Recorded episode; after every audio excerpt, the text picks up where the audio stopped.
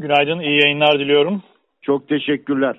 Şimdi siz e, bizim radyomuzun sitesinde de kaleme aldığınız bir rapor yayınlandı. Amerika Birleşik Devletleri Donanması, Deniz Piyadeleri ve Sahil Güvenlik Komutanlıkları tarafından ortak bir rapordu. Başlıksa denizde avantaj tüm etki alanında entegre deniz gücüyle hakimiyet başlıklı rapor. Ve bunun aslında Çin ve Rusya'ya karşı yazıldığını ifade ettiniz. Şimdi yani bu raporun önemi ne? Neyi gösteriyor? Sizden dinleyelim. Evet.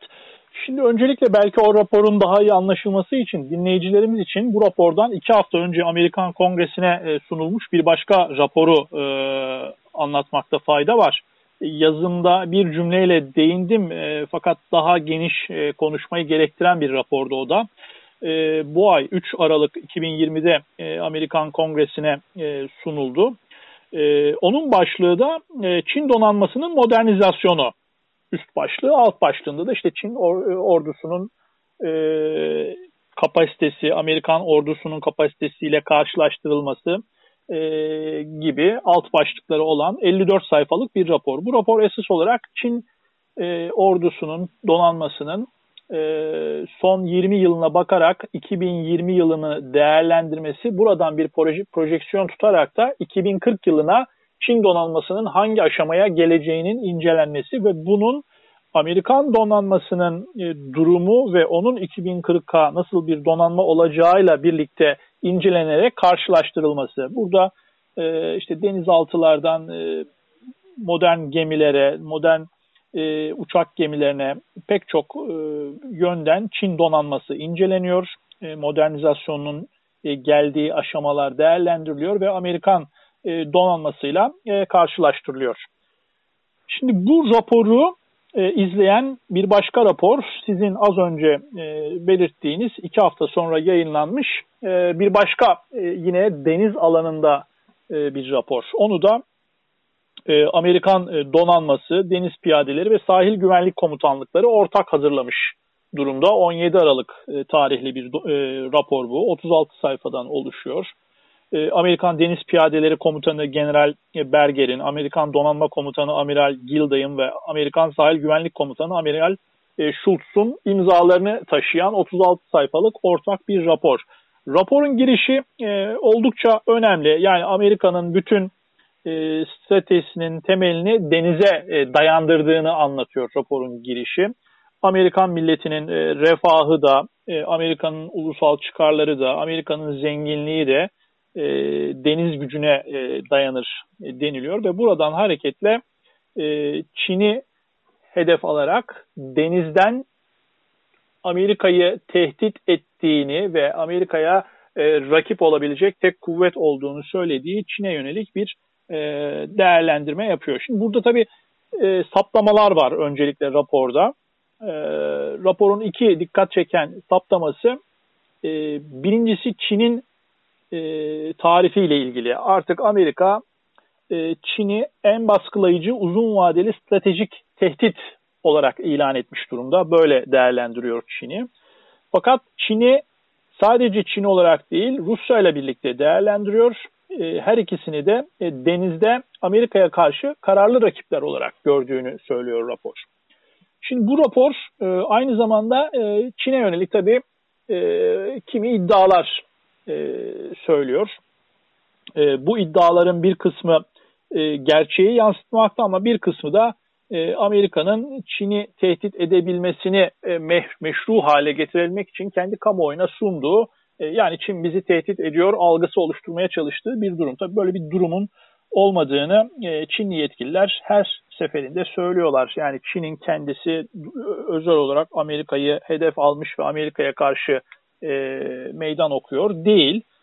Fakat Amerika kendi liderlik durumunu sarsacağını düşündüğü için bunu bir meydan okuma olarak e, algılayarak Çin'i hedef almaya çalışıyor. Bu raporda da ee, Çin'in uzun vadede ekonomik ve askeri potansiyeli nedeniyle Amerika'ya kapsamlı meydan okuyabilecek tek rakip olduğunu saptıyor Amerika. Bu nesnel olarak kuşkusuz doğru. Yani o kapasiteye sahip e, en önemli ülkenin Çin olduğu bugünden de görülüyor.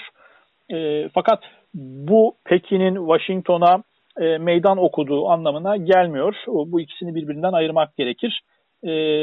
Rapor tabii demin de dediğimiz gibi aynı zamanda hem Amerikan kamuoyunun algısını hem de dünya kamuoyunun algısını da e, bir Çin düşmanlığına e, yöneltmek istediği için Çin'in şu amaçları olduğunu hep e, iddia etmiş rapor boyunca. İşte Çin uluslararası denizcilik yönet yönetimini aşındırıyor diyor. Çin geleneksel lojistik merkezlere erişimi engelliyor diyor.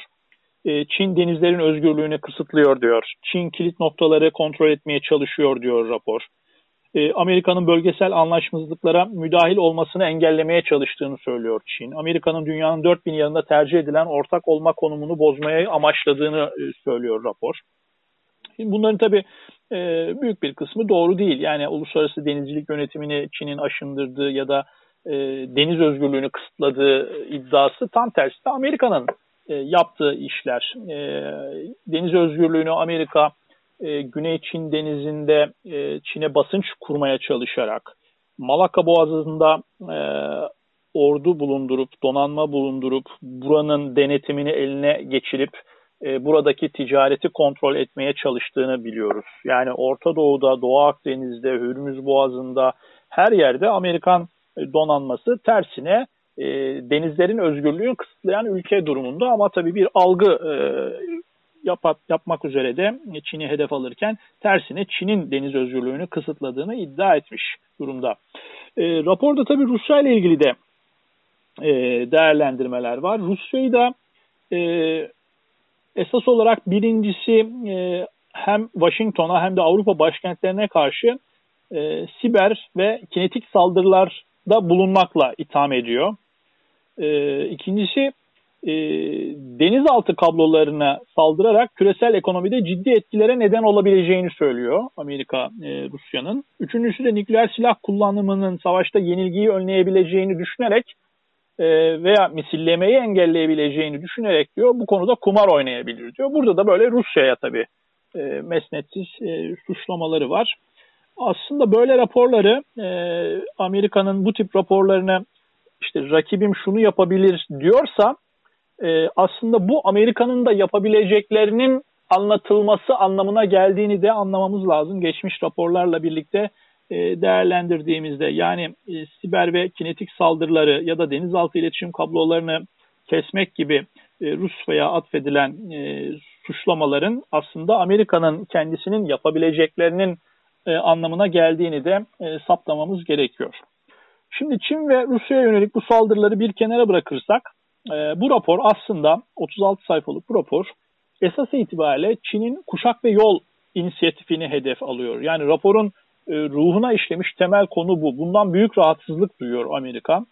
E, Çin'in e, bu projesinin e, Pekin'i e, Londra'ya bağlayan bir demir yolu ve deniz yolu e, projesi diye genel olarak sunuluyor ama çok daha geniş kapsamlı olduğunu e, biliyoruz bu proje Asya'yı Avrupa'ya, Asya'yı Kuzey Afrika'ya bağlayan ve ana ticaret yollarında bulunan e, bu coğrafyadaki tüm ülkelerin tamamının e, kazan kazan ilkesi gereğince e, müreffeh bir e, duruma gelmesini arzu eden çok uzun vadeli temel bir e, proje. Bu projeye e, Amerika'nın itirazına rağmen Avrupa içinde de ülkeler katılmaya başladığı için Amerika bu projeden oldukça rahatsız.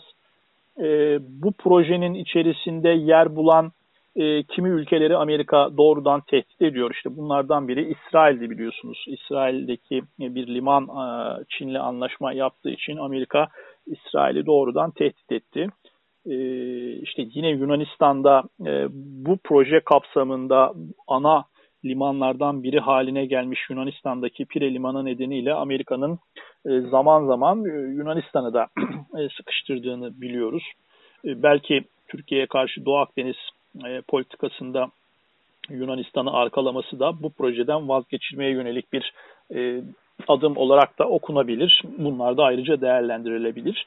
Fakat özellikle Çin'den başlayarak deniz ve ipek e, deniz ve karayollarının örülmeye başladığı şu tarihlerde bu güzergahlarda kimi yerleri Amerika'nın düğüm noktası olarak belirlediği kimi ülkeleri de bu hattın kesilmesinde kullanabilmek üzere e, baskıladığı da bir gerçek. E, tersine e, Çin Halk Cumhuriyeti de Amerika'nın düğüm noktası gördüğü bu alanlara karşı başka e, projeler geliştirerek bunu e, barış içinde aşmaya çalışıyor. İşte bunlardan e, birkaç tanesi örneğin e, Pakistan'da Gwadar Limanı'nın inşası, Pakistan'la işbirliği yaparak, İran'da bazı limanlar.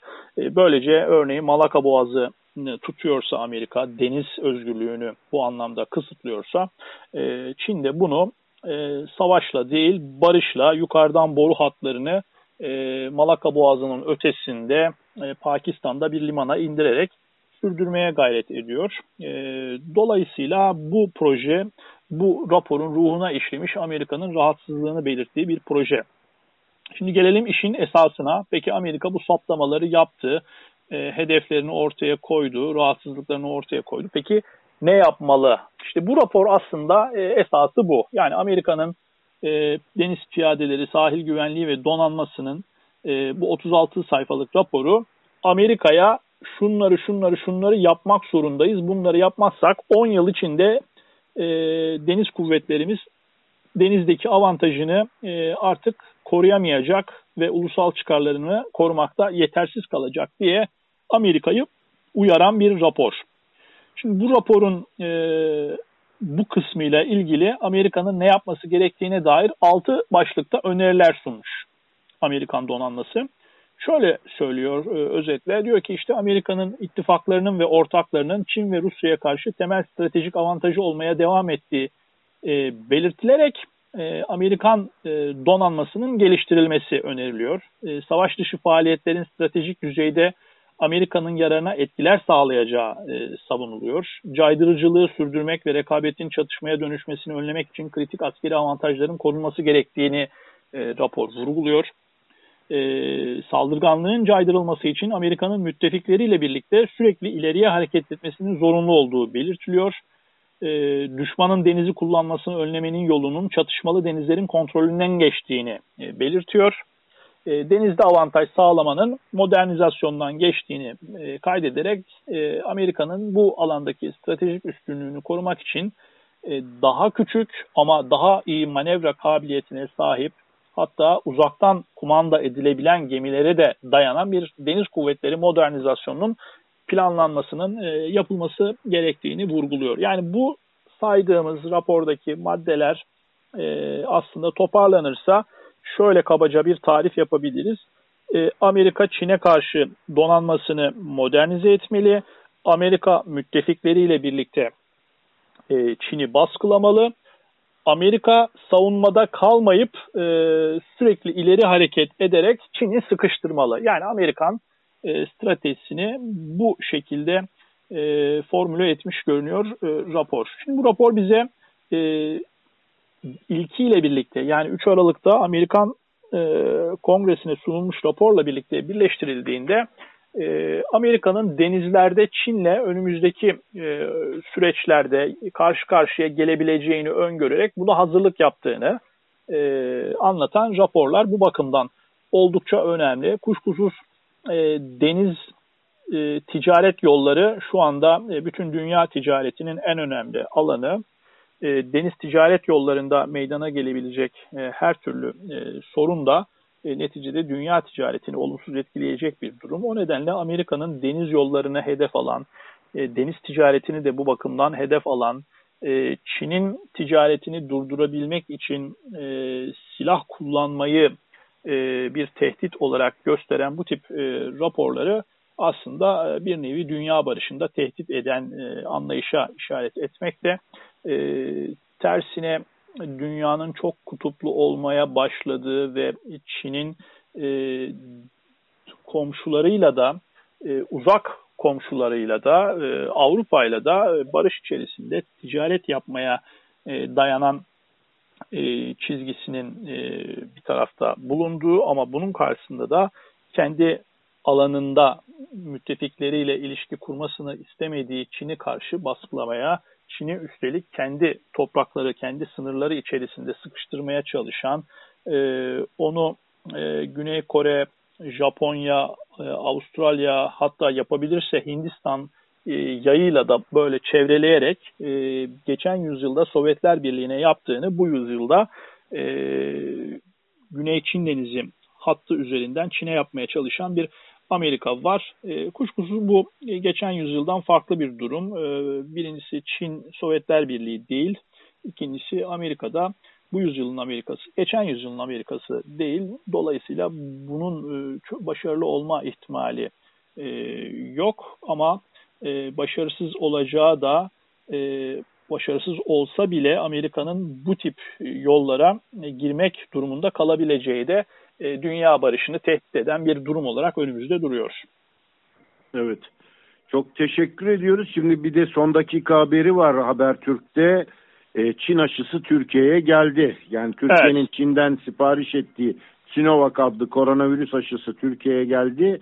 Aşıları taşıyan uçak İstanbul Havalimanı'na indi diye yazıyor son dakika bilgisi olarak yani. Evet, e, onun da aslında e, şeyi şuydu işareti e, Çin faz 3 aşısını yapıyor biliyorsunuz. E, bizim evet. de tabii e, kamuoyunun tanıdığı meslektaşlarımız, gazeteciler e, bu aşıları oldular. E, İsmail Saymaz gibi, Deniz Zeyrek gibi, Aytunç Erkin gibi.